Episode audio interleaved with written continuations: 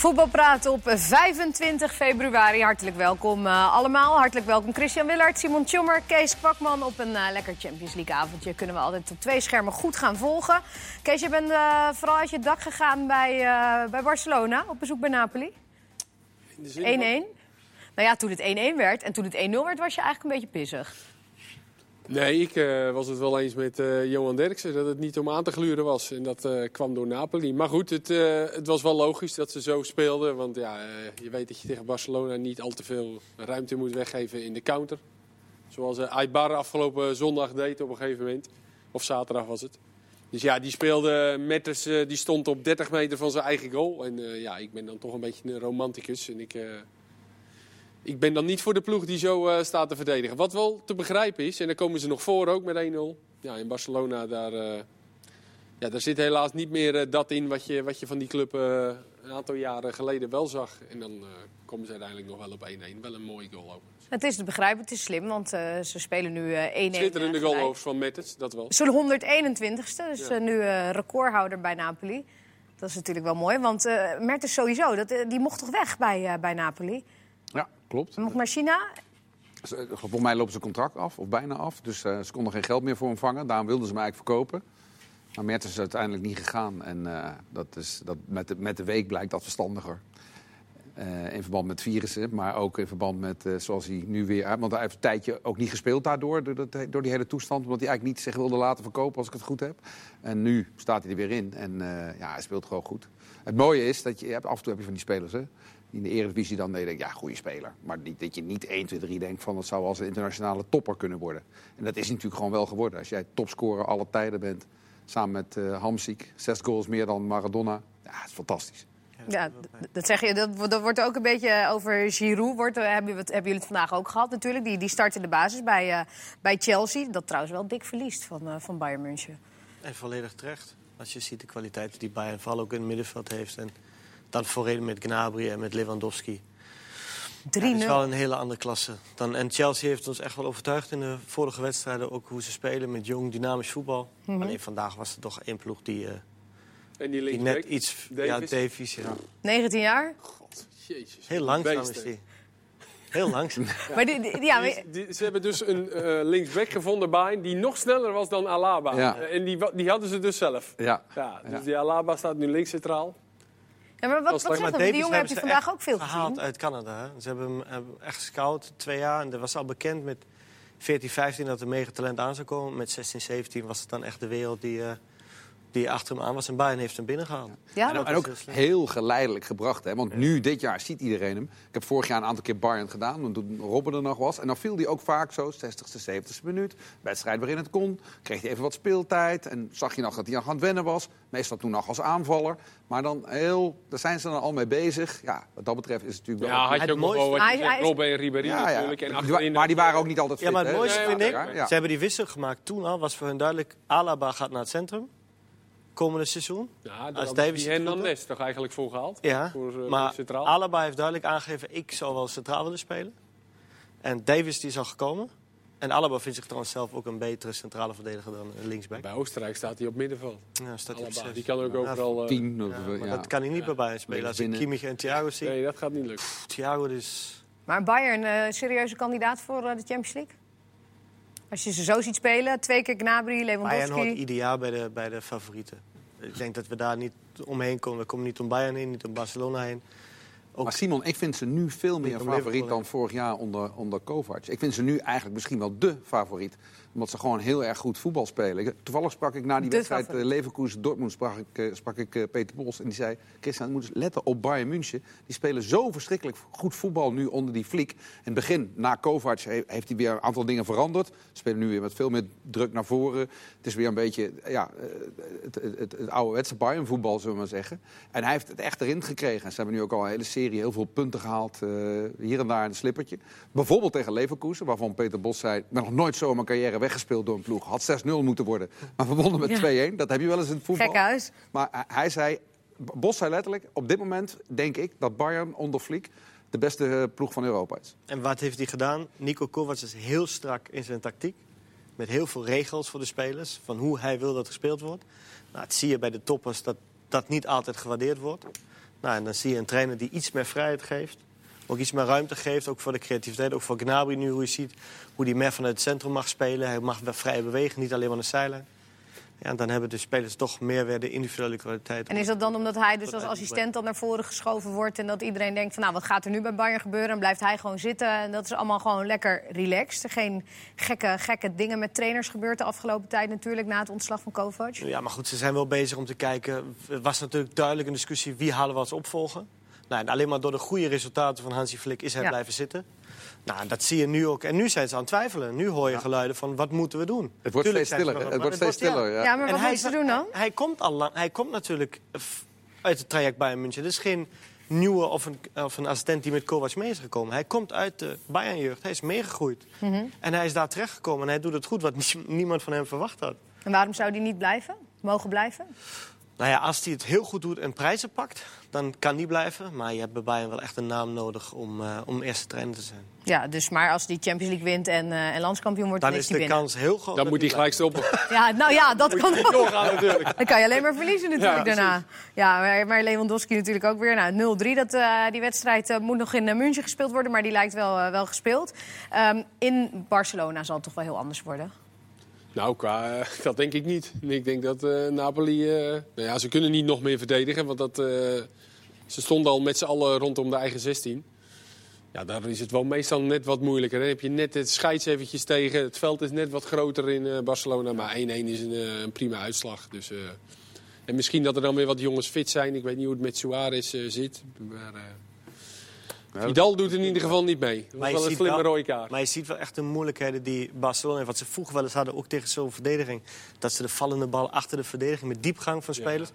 Je ziet heel weinig diepgang. Ja, Alba is er natuurlijk en, niet die dat... Uh... En Frenkie deed veel. Frenkie ja. probeerde Hoe eerst. Frenkie de Jong vandaag? Nou ja, heel anders dan dat wij hem gewend zijn natuurlijk. Bij, bij ons in het Nederlands zelfs krijgt hij veel meer ballen. Mag veel meer ook opbouwen.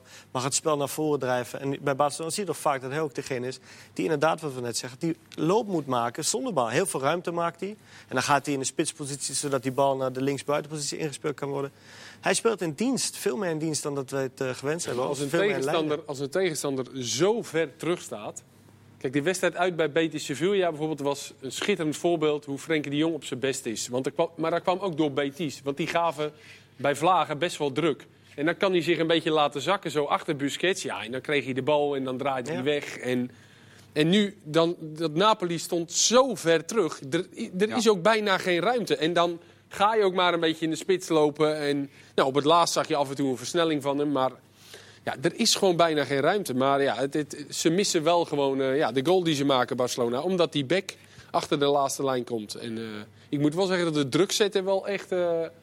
Echt een stuk beter is. Je ziet ook Messi echt ja. uh, volle bak mee. Een hand van Setien echt te zien. Ja, daar is wel echt uh, ja, de hand van de trainer heel, dit, Wat jij net ook zegt, het was de afgelopen jaren heel leuk om naar Barcelona te kijken. Werd wat minder, maar als je ze zo weer ziet, een beetje ja, er zit in deze manier wat In ieder geval ziet er uh, zonder bal ook weer een beetje pit in. En dat was onder Valverde echt niet. Die zakte gewoon terug in een 4-4-2. En dus ze stonden altijd maar te wachten. En ze waren ook wedstrijden waarin Barcelona gewoon minder balbezit had. Ja, dat is eigenlijk ondenkbaar.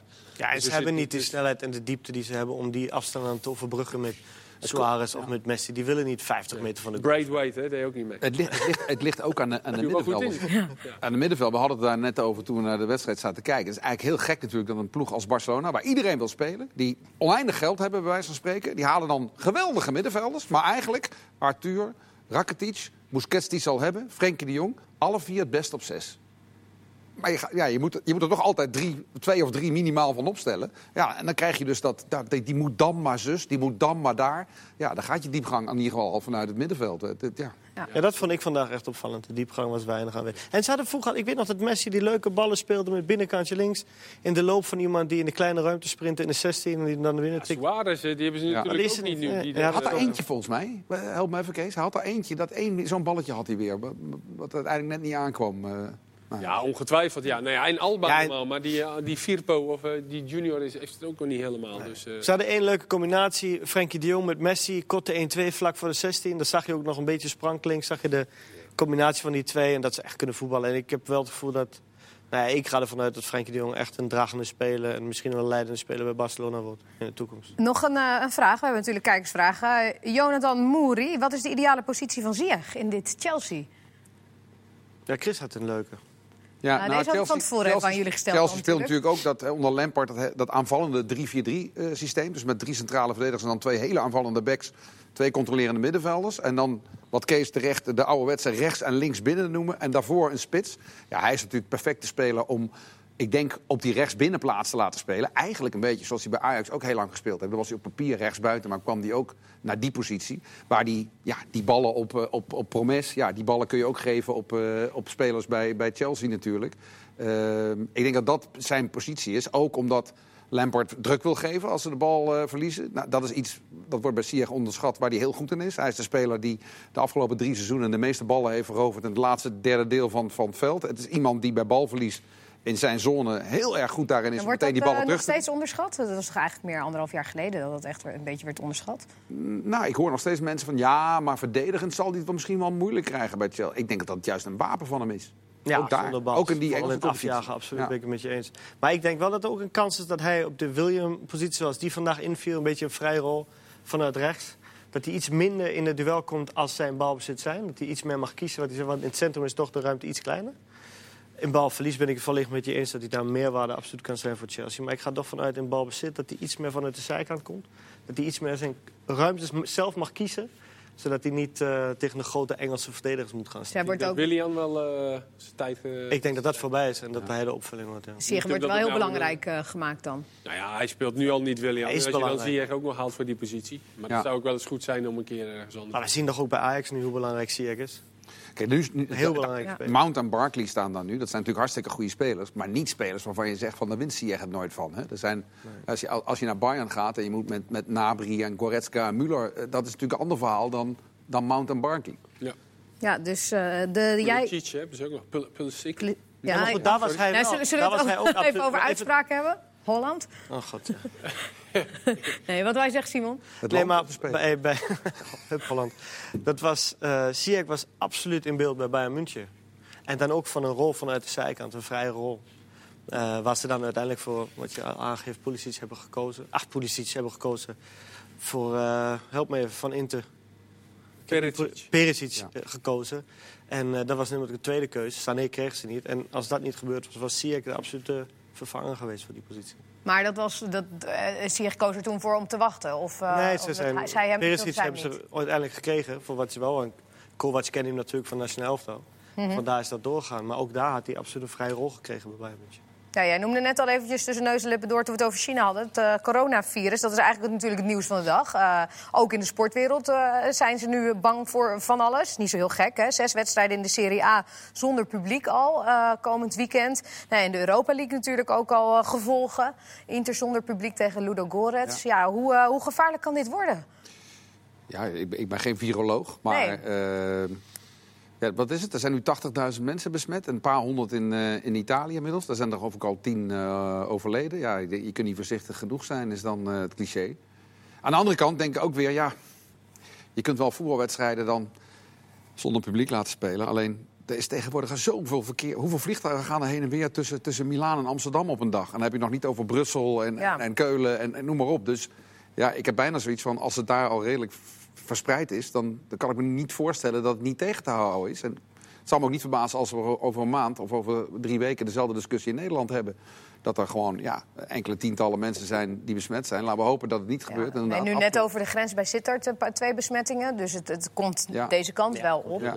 ja, grens dicht. Mag een daar naartoe. En, uh... nee, maar, je, maar je kunt toch dan wel beter zonder... Je kan toch gewoon beter zonder publiek spelen dan? Ja, nee. Bedoel, hoe minder mensen er op één ja, het kan ook niet anders. Het kan ook niet anders, want als... Uh, ja, eh, als de uitbraak ook Nederland uh, bereikt, uh, dan zal het niet de kwestie zijn van een weekje en één weekendje. Ja, je kunt niet een hele competitie, denk ik, eruit gooien. Dus je kunt het ook niet meer inhalen, want het gaat te lang duren. Dus je zult dan wel zonder publiek moeten gaan spelen. Ja. Dat is wel verschrikkelijk. Het is moeilijk voor te stellen. Ja. Inter Juve, of Juve Inter ja. dit weekend ja. zonder, zonder publiek. publiek. Ja. Ja, het is dus bijna niet voor te stellen. De wedstrijd in uh, Italië en dan is er geen publiek. Dat is natuurlijk wel echt, uh, echt dramatisch. Nou ja, dat ze ook al bang zijn voor het EK, Songfestival. Ja, Formule 1. Dan, uh, Nou ja, maar het zijn, het zijn, het zijn hele grote dingen. Ja, en, en bij AZ was het natuurlijk ook nog even spannend. Want in, uh, in Linz was een, uh, een man die de symptomen had. Die is uh, gelukkig heeft hij het virus niet. Maar ze waarschuwen dus toch de supporters om op de hygiëne te letten. Dus, Overigens, Tirol ligt natuurlijk dicht bij Lombardije. En daar zijn wel al de eerste besmettingsgevallen. Dus ja, de, ja, het is bijna niet voor te stellen dat het niet, niet ook oprukt in Europa. Hoewel, ik moet wel zeggen dat als je die cijfer... Ik, ik, ik heb er geen verstand van, heb ik al gezegd. Maar ik volg Cindy Huygens, als ik het goed zeg, op uh, Twitter. Die heeft iedere ochtend een, een, uh, die werkt voor de Telegraaf. Die, is gelegen, die, die, die, is, uh, die zit in China en die, die houdt al die cijfers bij. En daar zag ik eigenlijk dat, geloof vandaag of gisteren voor het eerst... het aantal besmette mensen in de wereld gedaald is. het aantal besmettingen is wel gestegen. Alleen er zijn er ongeveer 2000, nog, nog iets overleden helaas. En 20.000 mensen zijn genezen. En dat aantal is eigenlijk groter dan het aantal mensen dat erbij is gekomen. Dus er zijn eigenlijk minder besmettelijke mensen op de wereld met corona vandaag dan gisteren. Ja, en het zijn natuurlijk vooral, uh, wat je leest dan ook in Italië, de ouderen, de zwakkeren. Die eraan onderdoor gaan, ja. bedoel je? Ja. ja. Nou ja, maar goed, voor sport... Voor... Zwangere vrouwen ook, die zijn ook heel kwetsbaar. Nou, ik zou, niet, uh, ik zou serieus vliegtuig niet instappen nu, hoor. Dat meen ik echt. Maar goed, um, dat even terzijde. Um, Willem II, daar, uh, daar was jij uh, afgelopen weekend. Willem ja. II tegen, tegen Emmen, bij Emmen. Wat is er met u aan de hand? Want ze verloren met 4-2. sowieso maar één punt uit de laatste drie wedstrijden. Iedereen Hosanna over Willem II voor de winterstop. Maar ja, nu, uh, dipje? Ze, ja, dipje. Ze hebben natuurlijk spelers die, nou ja, laten we eerlijk zijn, de beste speler, die ze, of de uitstekende speler waar iedereen over is, Tresor en de Chimier. En daar zie je toch duidelijk dat hij niet dezelfde speler is in iedere wedstrijd zoals hij moet zijn. We hadden het ook wat over, moeten topclubs hem halen. Er zijn mensen in dit vak die zeggen, hij is klaar voor de top. Nou, voor de wedstrijd aangeven dat ik dat niet mee eens ben, want ik vind hem niet stabiel genoeg. Het is een ja, flegmatieke speler, die zeker absolute kwaliteit heeft... maar die nog lang niet in staat is om tactisch en ook uh, positiekeuze... Uh, de goede te maken in iedere wedstrijd die noodzakelijk zijn. En in die wedstrijd nu tegen Emmen, waar hij noodzakelijk was... vooral in balbezit, was hij helemaal niet aanwezig. Wordt u te veel van hem gevraagd? Nee, waarom? Hij is de nummer 10 van... Uh, hij speelde op nummer 10 nu in de wedstrijd tegen Emmen. Nou, je had Keulet en je had aan de, uh, aan de rechterkant die ook heel veel werk verrichten defensief. Nou, we hebben het net over, over Napoli gehad, maar die echte meters tot de backs terugmaken. Dan hij krijgt daar toch een vrije rol. Defensief heeft hij heel weinig arbeid verricht tussen die twee uh, centralen. Het was eigenlijk bij Emmen meer zo dat Moussa vrij kon voetballen. Nou, daardoor kregen ze geen druk erop. Maar ook in balbezit hield hij de bal niet vast. Nou, en hij kon ook zijn acties, maar had één leuke actie. Een paas naar buiten toe, waar hij dan op de 16 terugkwam. Kreeg hem ook goed terug, waar hij met links binnen kon schieten. En hem totaal volledig uh, nou ja, misraakte. Nou, dat was eigenlijk alles zeggend hoe hij in de wedstrijd zat. Niet geconcentreerd. En dat is nu het feit. Er komt heel veel op hem af, heel veel interesse. Ja. Nou, hoe gaat zo'n jongen daarmee om? Nou, en, en, het is nu eenmaal zo dat Willem II afhankelijk is van een Tresor of van een Pavlidis. En als mm -hmm. een van die twee wegvalt, dan leunt alles op de verdediging. Ja, dan kun je niet altijd stand houden. Maar is dat gewoon omdat er inderdaad uh, iedereen uh, overal roept van hij kan daar en hij moet daar en hij moet naar een topclub. Uh, dat, dat is te veel voor hem. En, en ja, hij is nog niet zoveel. Hij is, hij is nog een speler die zeker de kwaliteit heeft. Als je ook met mensen spreekt bij Willem II, buitencategorie zeggen velen. Maar het, het is dat hij het in zich heeft. Hij heeft de potentie. En hij laat het af en toe zien. Alleen het moet wel constant zijn Tuurlijk. over een heel seizoen. Over nog lekker anderhalf le jaar bij. Gewoon laten spelen en dan kijken spelen. of dat omhoog komt. En vooral stabiel zijn ook voor het team. Belangrijk worden voor het team. We zien hetzelfde, sorry dat ik die sprong maar naar Stenks. Van een speler die heel goed, heel veel potentie heeft. Dat is een brugje, want jij wilde het ook over Stenks hebben. nee, je hebt je onderwerpen doorgegeven. Nee, maar het is voor mij ongeveer hetzelfde. Want bij Stenks ook, hebben we ook gezegd in het begin van het jaar. Potentie is absoluut aanwezig. En hij wordt een speler voor de absolute top. Dat weet iedereen. Alleen je ziet nu ook dat er een dipje is. Maar niet, ik heb het helemaal niet over de cijfers, maar ook in zijn spel. Want hij is nu een dragende speler aan het worden. En die stap moet je eerst maar maken als speler. Dat doe je niet van, uh, van een op de andere dag. Nee, maar inderdaad, wat jij zegt, Kees, dus anderhalf jaar. Want hij, uh, ja, Daichi... ik noem maar een... Uh... Nou ja, maar langer. Maar Daishimier zegt zelf van ja, de, de ploegen stellen zich ook in op Willem II. Hoe kun je je instellen op een ploeg als Willem II Willem II heb hem... ik dus uit bij Ajax, uit bij AZ. Als ze het spel minder hoeven te maken, dus vanuit de organisatie die buitenspelers doen heel goed hun werk en zo. Ja, daar hebben ze echt uh, goede resultaten geboekt. Als ze thuis het spel moeten maken, niet alleen Willem II hoor. Dus over het algemeen hebben heel veel clubs daar moeite mee. Ja. ja, Fortuna thuis, Zwolle thuis, eh, tegen ploegen die uh, teruggaan. Ja, dan hebben ze wat meer moeite, omdat dat gewoon de moeilijkheidsgraad is dan hoger. Dus dat is niet zo raar. Maar ja, ik, ik verwacht dan toch nog wel van Willem II net wat meer. Omdat ze ook buitenspelers hebben die die, die, die een actie kunnen maken. En met Trezor hebben ze creativiteit. Dus dat, ja, je, je moet ook weer niet te veel eh, gaan verwachten van Willem II. Weet je, dat ze even de top 3 uh, gaan halen, want dat werd dan op een gegeven moment... Uh, ja, ja, maar ik vind wel dat zij in die thuiswedstrijden echt wel gewoon moet, moeten winnen. En als ze dan een keer uit bij PSV verliezen, of nu uit bij Emmen, die ontzettend goed zijn thuis, ja, dat kan. Uh, het is ook weer niet zo. Het is ook logisch dat, dat clubs af en toe een dipje hebben. En dat heeft Willem II nu, ja. En ze hebben natuurlijk met Lyon en, en Sadiki twee spelers die niet in staat zijn om een spel op te bouwen. Die fantastisch zijn in druk Ja, zetten klopt, ja. en ballen onderscheppen, maar niet in de opbouw sterk zijn. Is natuurlijk ook ten nadele van Tresor. Dat moeten we hem dan even als credit geven dat hij dan ook niet de fatsoenlijke ballen altijd krijgt. Nou, en desalniettemin natuurlijk een fantastisch eh, seizoen van eh, Willem II. De, de vraag van de dag, hè, elke dag. Jesse VDM, is de titelstrijd weer open na het verlies van Ajax? Nou, jij begint erom te lachen eh, elke keer. Van ja, eh, als ze... Zondag eh, wint Ajax, dan is de titelstrijd weer voorbij. En dan daarna uit bij Heerenveen spelen ze gelijk en dan is de titelstrijd weer open. Dus, Nou, eh, duidelijk. Ik, ga Antwoord even door die vraag. Ja, nee, maar We goed. blijven, ja, maar, Nee, nee, zeker. Maar, maar iemand zei je net gekscherend. Nou, als PSV op twee had gestaan, dan had Ja, dat het zei niet ik. Als was niet gekscherend. Nee, nou, als PSV op die positie had gestaan waar AZ nu staat... dan had ik gezegd, ja, dat wordt nog een echte titelstrijd. Eh, ook al hebben ze een slecht seizoen. Maar goed, als ze daar hadden gestaan was het seizoen iets beter geweest. En ze hebben de spelers, ze hebben de gochme, ze hebben de ja, mentaliteit ook om een titelstrijd aan te gaan. Dat heeft AZ gewoon nog niet. Eén ding wel natuurlijk. Hè. We, hebben, we zitten op speelronde 25. Eh, drie punten verschil tussen nummer 1 en 2. Dan is het niet gelopen. Nee. Dat is duidelijk. Maar laten wij ook hartstikke blij zijn dat het, eh, dat Ja. het nog spannend is. Toch? Op onze Ja. super zondag. Nou ja, gewoon sowieso voor de hele XL? Nee, hij Oh, dat mag niet meer, hè? Nee, nee, we noemen hem voor de gein XS. Maar het is ook geen. eh, dat is het nu inmiddels ook niet natuurlijk. Eh, dan ook een vraag: is Dessers goed genoeg voor Ajax? Van eh, vraagt Gijs Kamphuis. Zijn we dan weer lekker opportunistisch bezig? Ja, Te opportunistisch. 15 goals, topscorer. Kan wel international worden van Nigeria. Dat is toch mooi voor hem? Ik vind Dessers geen type voor eh, Ajax. Nee, ja, want? Ja, omdat ik hem met zijn rug naar de goal niet zo... eh, maar ik vind wel dat hij een... eh, Wat is zijn volgende stap? Ja, ik hoop eigenlijk niet dat hij naar. eh, wat wat dat Italië? Italië. had, Sassuolo of zo, Ja. of weet ik veel wat. Een, nog een mindere club had interesse. Ja. Ja, wel Italië, ja. Ja, Ja, ik zou het fijn vinden als hij een, een laag vliegen Ja? in... Ja, ja. Fiorentina. Ik zou een laag vliegen in de. Bundesliga wel leuk vinden.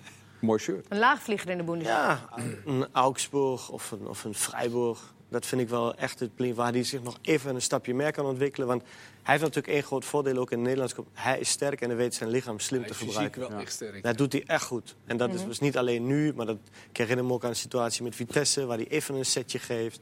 Nu ook tegen Blind. Even zijn lichaam gebruikt. Maar Dat Simon, doet hij maar Simon fantastisch. is, is het dan niet ook juist een wapen? Omdat er in Nederland veel verdedigers zijn die vooral geselecteerd zijn op kunnen voetballen en iets minder op sterk zijn en dat soort duels kunnen winnen. Terwijl in Duitsland juist ja, iedere ploeg eigenlijk verdedigers heeft Ja, maar waar je hier niet mee wegkomt, zeg maar. daarom denk ik dat een stap naar een club zoals zeg Augsburg of Freiburg... Nou moet je afwachten wat de transfersom wordt natuurlijk, want die kunnen ook niet alles betalen.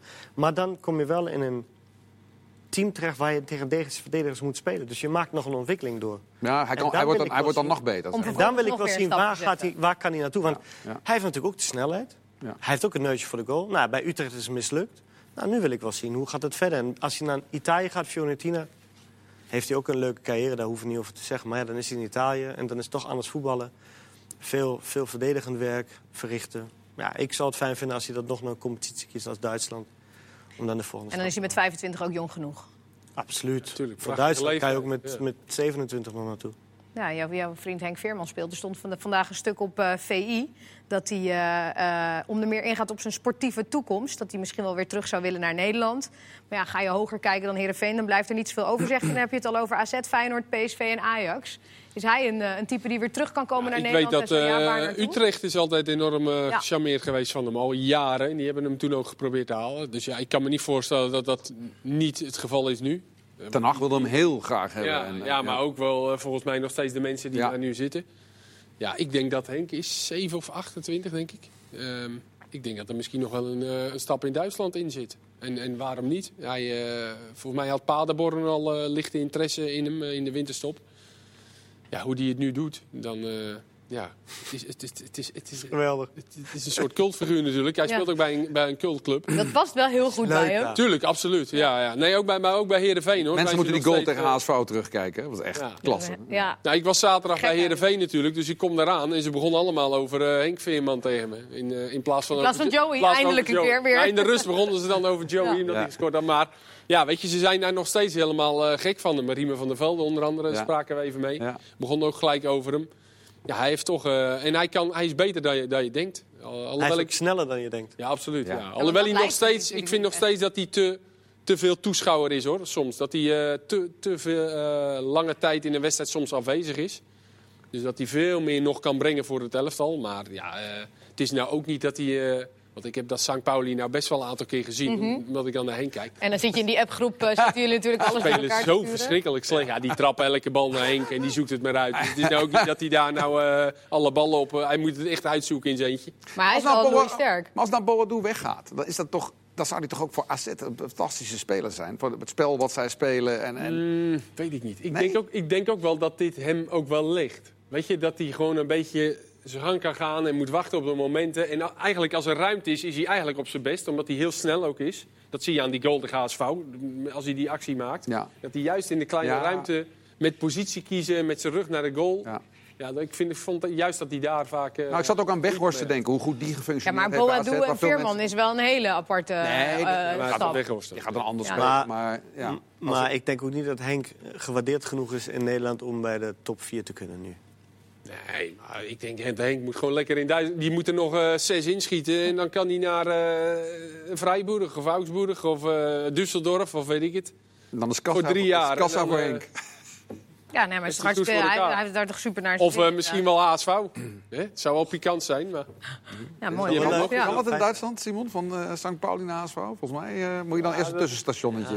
Moet je heel voorzichtig zijn, maar Eerst ik naar zou, Hannover ik een zou het wel doen. Als ik, Hoe snel vergeten ze dat? Of helemaal nooit? ja, nee, St. Pauli is wel...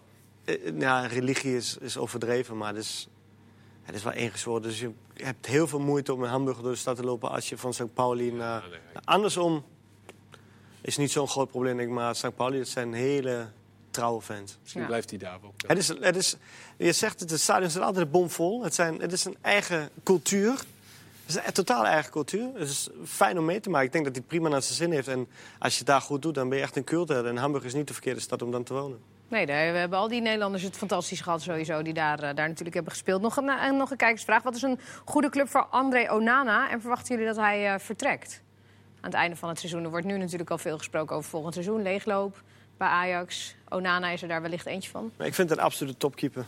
En ik had... eh, Kijk, Neuer is bij Bayern München. En ze hebben nu Nieuwe gehaald, wat het grootste talent is in Duitsland. Tenminste, zo wordt er over de- hem in Duitsland gesproken.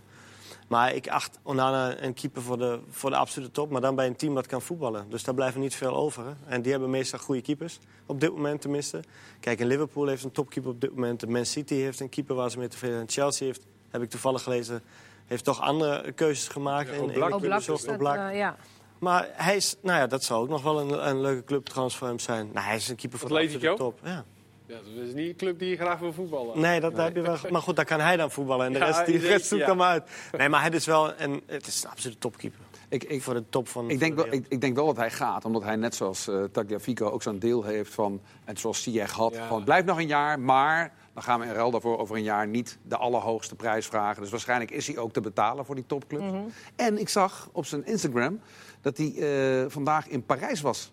Oh ja? Dat was saillant natuurlijk, twee dagen voor de wedstrijd, het vrije dag. Dat hij, eh, of het moet een oude foto geweest zijn, maar daar leek het me niet. Het was een soort filmpje. Dus hij is in Parijs. Zo'n Dus, story. Paris Saint-Germain, Navas volgens mij zit daar nu. Zit daar verder nog iets achter? Nee, maar... Nee, maar het zou zou een goede club voor hem zijn. Maar dan gaat hij niet op Instagram zetten dat hij daar nu is. Van, eh, joh, kijk maar hier zijn en lekker al die geruchten voeren twee dagen voor een wedstrijd. Ja, maar dat, dat soort eh, zeg maar tels, die zijn er in het verleden geweest. En dan denk je ook, dat, dat zouden ze toch niet doen. En dan bleek het achteraf gewoon wel te kloppen. Nee, je gooi- je gooit het weer de wereld ook in. leuk om te geloven. Maar je moet ook kijken, er hem. zijn niet veel clubs die, die ja. keepers zoeken. Die, die zulke topkeepers zoeken. En hij moet die kans nemen die hij krijgt. En hij heeft er wel verdiend, want het is, absoluut, hij hoort bij de top. Donderdag uh, dus uh, Ajax weer tegen Getafe. Ze moeten trouwens nog bang zijn voor een, een, straf misschien van de UEFA. Maar goed, dat wordt pas allemaal eind deze maand uh, bekendgemaakt. Naar aanleiding van die onwijze aansteker, die, die aanslag die werd gepleegd op Duiverson. Um, verder aardig scheidsrechter in de arena. Jij, heb jij hem gezien toen? Ja, ik ben zijn naam even kwijt. Het is een Griek. Sidiropoulos. Precies, die. iedereen is daar bang voor omdat hij veel kaarten trekt. Ik heb hem gezien in Brussel. Er werd toen een heizel gespeeld met de wedstrijd Antwerp-AZ. En dat was een heksenketel. En die spelers die probeerden ook alle trucs uh, die er maar mogelijk zijn. Maar deze scheidsrechter die bleef heel rustig. Deelde gele kaart uit als het moest. Ook rode kaarten aan de thuisclub. Dus ik denk dat het een goede scheidsrechter is. Waar. Ja, en dan hoef jij je misschien niet zo te ergeren. Want je zou je vorige week ook helemaal kapot hebben geërgerd. Nou, dan. nou omdat je nu bij, bij, bij Napoli vindt ook irritant. Volgens mij was Marco uh, die zich het meest had geërgerd. Ja, die wil nog dat er drie helften gespeeld worden. Nou, morgen zijn we er weer met Voetbalpraat. Bedankt voor nu, mannen. Dank je